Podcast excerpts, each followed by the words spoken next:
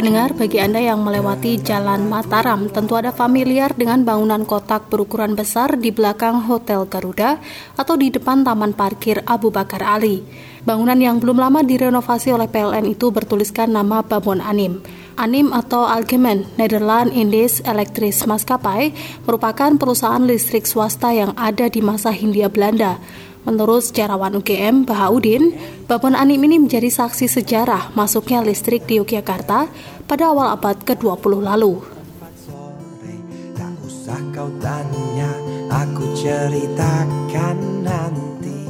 Sebenarnya listrik masuk kota Jogja itu tidak bisa dilepaskan dari industri perkebunan yang mulai berkembang di Jakarta pasca perang Diponegoro. Jadi itu kemudian banyak tanah-tanah milik kerajaan yang disewakan kepada uh, investor asing, para pengusaha dari luar negeri terutama di perkebunan. Terang lampu kota tak lagi sama. Dampak dari berkembangnya industri ini kemudian terutama yang di kota itu adalah pemukiman orang-orang asing, orang-orang Eropa yang berpusat terutama di pada awalnya ya itu di uh, loji besar, kemudian uh, loji kecil, kemudian nanti berkembang di kota baru itu sebagai pemukiman orang-orang Eropa. Selalu ada sesuatu Listrik sendiri menurut Baha masuk ke Hindia Belanda pada tahun 1897 di Batavia. Namun karena kebutuhan pemukiman orang-orang asing, kemudian pemerintah Hindia Belanda mendirikan perusahaan listrik dan memberi konsensi kepada 20-an perusahaan swasta, salah satunya yakni Anim. Meski berpusat di Jawa, tetapi listrik juga kemudian berkembang ke Sumatera dan Kalimantan. Di Yogyakarta sendiri, listrik mengalir pada tahun 1918, empat tahun setelah ada kerjasama antara Kesultanan Yogyakarta yang dipimpin oleh Sri Sultan Hamengkubuwono ke-7 dengan pemerintahan Residen Yogyakarta. Pada awalnya listrik ini hanya mengaliri area keraton, juga pemukiman orang-orang Eropa dan Tionghoa, seperti Curun Beteng, Malioboro, dan Kota Baru.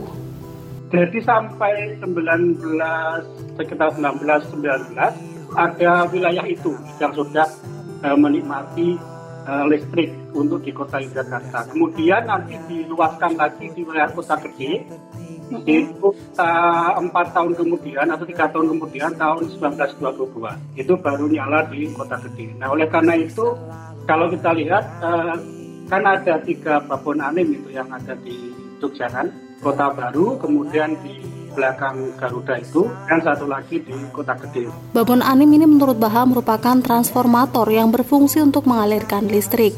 Pada saat itu, listrik diambil dari Ambarawa, tepatnya dari Kali Tuntang, sehingga bersumber dari tenaga air. Itu untuk itu untuk mengalirkan listrik yang ngambilnya itu dari Semarang, yaitu ngambilnya dari Kali Tuntang. Ku percaya selalu ada sesuatu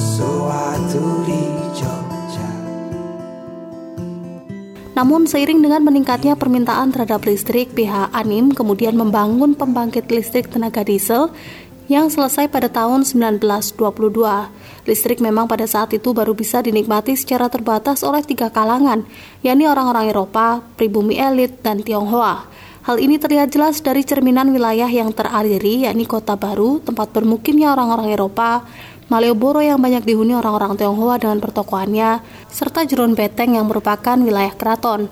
Hal ini menurut Baha dikarenakan tarif listrik yang juga tidak murah pada saat itu. Karena bayarnya itu untuk 10 watt, jadi lampu 10 watt itu satu bulannya itu satu bulan. Kalau di apa di beraskan itu sekitar 15 kg beras. Ingat waktu itu ku bertanya Setelah hampir 20 tahun listrik masuk, baru kemudian hampir seluruh wilayah di kota Yogyakarta bisa menikmatinya. Tepatnya yakni di tahun 1939, mulai dari wilayah Pingit hingga ke Wirobrajan. Tidak hanya di pemukiman bagi warga, listrik juga mengalir untuk kepentingan jalan umum, yang biayanya pada saat itu ditanggung oleh keraton. Karena sebelumnya itu untuk penerangan itu di Jogja itu digunakan ya secara tradisional itu menggunakan jarak, jarak. Kemudian nanti uh, lebih modern menggunakan gas. Itu perusahaannya ada di daerah Patok sana perusahaan apa namanya pusat perusahaannya. Baru kemudian nanti berubah ke listrik. Dengar lagu lama Kini babon anim ini sudah tidak lagi berfungsi, namun keberadaannya menjadi saksi bagaimana listrik masuk dan bisa dimanfaatkan hingga saat ini oleh seluruh warga di Yogyakarta.